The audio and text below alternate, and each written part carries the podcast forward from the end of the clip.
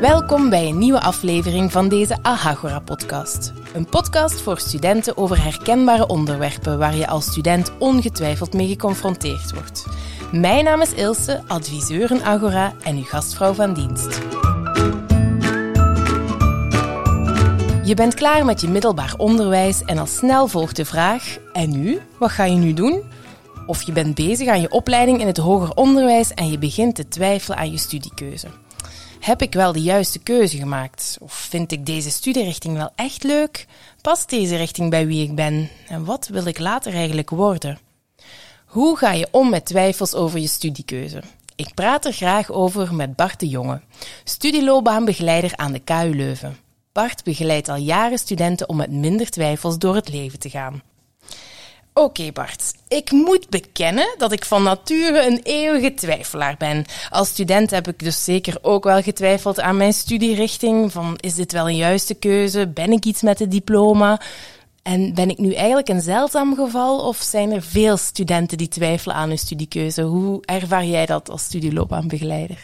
Oh nee, Ilse, je bent zeker niet de enige die wel eens heeft getwijfeld. Ik moet zelf zeggen en bekennen dat ik ook wel eens getwijfeld heb onderweg.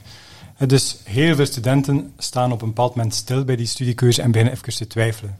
Misschien moet ik toch veranderen van studierichting, of misschien moet ik toch maar doorbijten. Ja, en waar heeft die twijfel dan mee te maken? Van waar komt die twijfel? Dat kan natuurlijk met allerlei zaken te maken hebben. Natuurlijk, als je geconfronteerd wordt met teleurstellende examenresultaten, dan word je wel gedwongen. Hè. Eventueel krijg je zelfs studievoortgangsmaatregelen.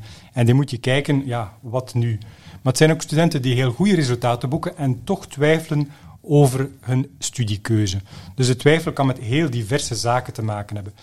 Sommigen beginnen heel enthousiast met een bepaalde studierichting, maar na verloop van tijd begint die motivatie toch wat weg te zakken. De inhoud van de vakken kan hen misschien wat minder boeien. Het blijkt toch helemaal anders dan wat ze verwacht hadden. En sommigen ja, beginnen ook te twijfelen over het toekomstperspectief. Misschien hebben ze wat ervaring opgedaan, een beperkte stage, en hebben ze al wat meer zicht op de werkdomeinen waar de meeste afgestudeerden in terechtkomen. En sommigen beseffen dan, oei, dat past toch echt niet bij mijn interesses of mijn persoonlijkheid. Dus ja, we zien natuurlijk op onze dienst ook studenten die ergens stranden omdat de studie hen heel veel stress bezorgt of dat ze ergens tegenaan lopen en ze voelen zich niet goed in hun vel en natuurlijk gaat het studeren dan ook weer minder goed. Dus dan zitten ze wat in een negatieve spiraal. En dan is de kunst om te kijken, ja goed, wat nu? En een vraag die uh, eigenlijk van jongs af aan vaak wel wordt gesteld is: wat wil jij later worden? En natuurlijk wordt die vraag nog prominenter wanneer je een studiekeuze moet maken. En moet je je eigenlijk ongerust maken als je nog niet weet wat voor soort job je later wil doen? Oh, je hoeft je zeker niet ongerust te worden. Ik zie natuurlijk heel wat studenten die wel een concrete job of een concreet beroep voor ogen hebben als ze aan een bepaalde opleiding beginnen. Dat is prima. Maar heel veel studenten weten helemaal nog niet wat ze later precies willen doen en waar ze willen terechtkomen. Het is natuurlijk zo, professionele bacheloropleidingen aan de hogeschool, daar is het net iets makkelijker om al een beetje zicht te krijgen op de aansluitende beroepen. En deze opleidingen zijn meer toepassingsgericht. Je krijgt daar heel concrete kennis en vaardigheden waarmee je direct inzetbaar bent in een concrete jobsituatie.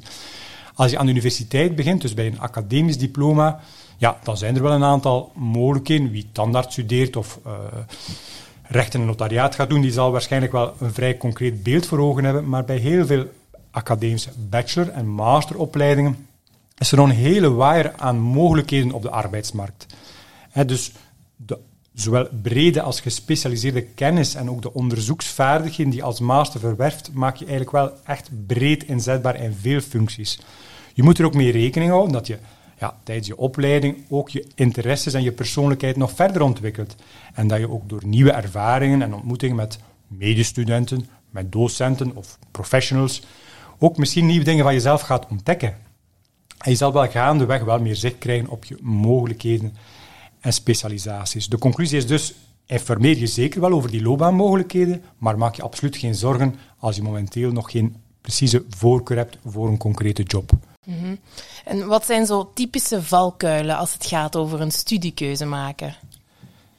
Ja, het is natuurlijk zo. Um, kiezen is niet makkelijk op 17, 18 jaar. Je moet je voorstellen, er zijn al meer dan 300 opties, hè, professionele bachelors, academische opleidingen. Het is dus zeker geen sinecure om een goede keuze te maken. Maar de eerste valkuil is om je er snel van af te maken. Dus uit onderzoek blijkt dat wie echt werk maakt van zijn studiekeuze, naar infodagen gaat, uh, zich probeert een goed beeld te vormen van die concrete opleiding en zich goed bevraagt, dat hij eigenlijk wel betere slaagkansen heeft. Dus dat is al een eerste valkuil. Hè. Misschien de dingen wat vermijden. Het is logisch dat die keuze maken wat stress oproept. Ga dan niet uit de weg, maar ga ermee aan de slag. Dus ook bij jonge mensen die al eventjes bezig zijn, die al een, een stappen gezet in het hoger onderwijs, die ergens tegenaan lopen en zich willen heroriënteren. Zo krijgen we bijvoorbeeld na de januari-examens studenten die snel willen beslissen en het over een andere boeg gooien. Dan moet ik altijd zeggen, neem voldoende tijd, hè, want dat rendeert. Hè. Te impulsief, te snel heroriënteren, ja, dan loop je misschien opnieuw tegen een ontgoocheling aan. Dus probeer ja, rustig de tijd te nemen om een beetje te wikken en te wegen, te exploreren wat zijn de verschillende studies, wat zijn mijn verschillende opties. als je echt goed nagedacht hebt over jouw eigen sterke en minder sterke punten, jouw eigen dromen en interesses, daarna kan je op zeker ogenblik wel op je eigen intuïtie vertrouwen en eigenlijk met je buikgevoel zeggen, oké, dat ga ik nu doen. En dan is dat een prima keuze. Dat is dus een belangrijke valkuil. Dus op er voldoende tijd voor nemen. Een andere valkuil zou misschien kunnen zijn dat je je te veel laat leiden door het oordeel of de verwachtingen van andere mensen. Dat je eigenlijk niet zelf durft kiezen. Het is, ik ken me nu een student bijvoorbeeld, die, een, dat is al een heel tijdje geleden, hij kwam uit een gezin waar ja, carrière maken, veel geld verdienen, prestige wel heel belangrijk was. Zijn, zijn vader was zelf notaris. En eigenlijk, die jongen deed rechten, misschien een beetje om ja, die erkenning van zijn ouders te krijgen. Dat was, er was niet echt druk, maar eigenlijk was zijn droom om leraar Grieks en Latijn te worden. Maar thuis en in zijn omgeving werd er zo'n klein beetje denigrerend gedaan over leraren. En hij durfde de stap niet zetten. En na een aantal gesprekken heeft hij zijn twijfels verwoord. Het heeft hem heel wat tijd gekost om uiteindelijk die knoop te durven doorhakken en zijn eigen weg, zijn eigen koers te varen. En hij is nu een gepassioneerd leraar en is heel tevreden. Zie je maar, dus, het is niet altijd gemakkelijk om ja, uh, tegen de stroom in te roeien. Dus belangrijk, durf je eigen weg te gaan. Een andere valkuil, wat ik ook wel hoor, is dat sommige mensen te perfectionistisch kiezen. Hè. Dus die ja, gaan uit van het idee van ik moet nu kiezen precies tot voor de rest van mijn leven, tot aan mijn pensioen. Is eigenlijk een onmogelijke opdracht. Hè. Je kan niet weten wat je binnen zoveel tijd graag en goed zult doen. Dus je kan ook, je moet natuurlijk goed uh, je keuze bekijken, dingen analyseren, maar je kan er ook in doorschieten. En sommigen ja, gaan een beetje de keuze kapot analyseren, zou je kunnen zeggen. Hè. Elke optie verliest daardoor zijn charme. En ja, eigenlijk moet je beseffen dat je niet over alles controle hebt. Je moet je op zeker ogenblik verzoenen met je keuze. En zeggen, oké, nu ga ik er het beste van maken. En op zeker ogenblik kan je dat wel weer in vraag stellen, maar je mag dat niet ja, te veel gaan doen. Soms moet je zeggen, oké, nu gaan we ervoor en uh, geen enkele keuze is perfect. Het is ook zo dat je ook bijvoorbeeld over je latere werksituatie ook geen controle hebt. De arbeidsmarkt evolueert ook voortdurend. En momenteel vind je bijvoorbeeld vacatures in de krant of op websites voor, ik zeg maar wat, duurzaamheidsmanager, cybersecurity expert, social media planner. Ik moet zeggen, 15, 20 jaar geleden was er geen sprake van dit soort functies. Maar ook binnen x aantal jaar zullen er ook weer nieuwe jobs ontstaan. Dus als ik interviews met alumni's lees of hoor, dan zeggen ze vaak dat ze de vaardigheden die ze aan de universiteit hebben geleerd, zoals grondig analyseren, zaken vanuit een helikopterperspectief bekijken, grote hoeveelheden informatie verwerken, dat die zaken eigenlijk wel heel goed van pas komen in een job. Maar dat ze vaak een job doen die niet rechtstreeks in de lijn ligt van een diploma. Op zich prima, want ze zeggen ook van de ene job hè, is de andere voortgekomen. De ene job was als het ware een springplank voor weer iets anders. Ze hebben heel veel ervaring opgedaan. Dus een diploma blijft nog altijd een van de beste investeringen die je kunt doen. Het is dus ja, heel vaak zo dat je niet een heel specifiek diploma nodig hebt om een bepaalde job te kunnen krijgen. Dus tegenwoordig spreekt men van ja, uh, vaardigheden, hedendaagse vaardigheden als in een team goed kunnen samenwerken, goed kunnen communiceren, hè, je flexibel opstellen. En dat zijn vaak meer doorslaggevende skills dan puur specifiek een diploma. Ja, dus eigenlijk niet te perfectionistisch willen kiezen. Oké. En als afsluiter, we geven graag in onze podcast ook nog concrete tips mee. Dus Bart, stel dat ik een student ben die twijfel over mijn studiekeuze, welke concrete tips zou je mij geven? Ah, een eerste belangrijke tip is zeker dat je, als je merkt dat die twijfels regelmatig de kop opsteken, dat je dan zeker met iemand gaat praten.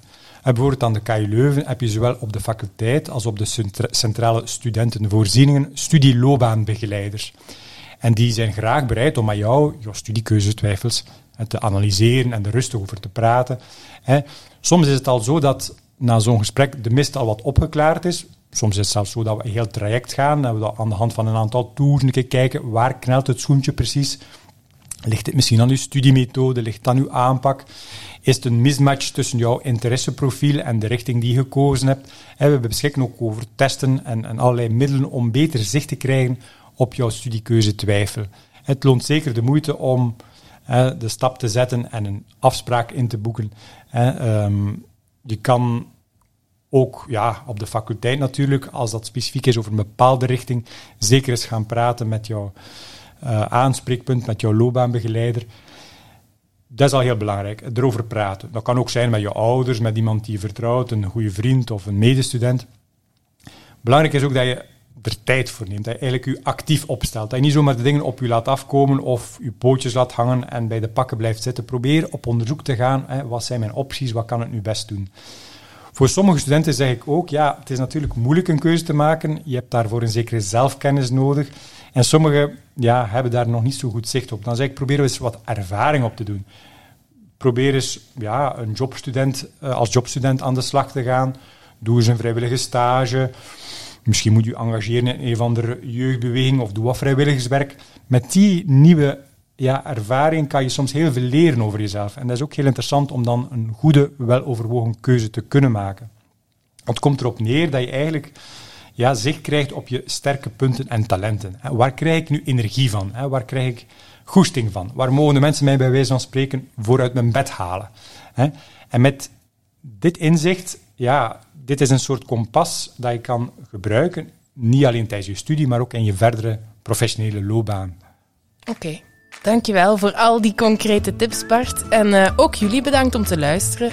Willen jullie graag alle info nog eens op een rijtje? Kijk dan zeker naar de link in onze show notes. Tot een volgende keer.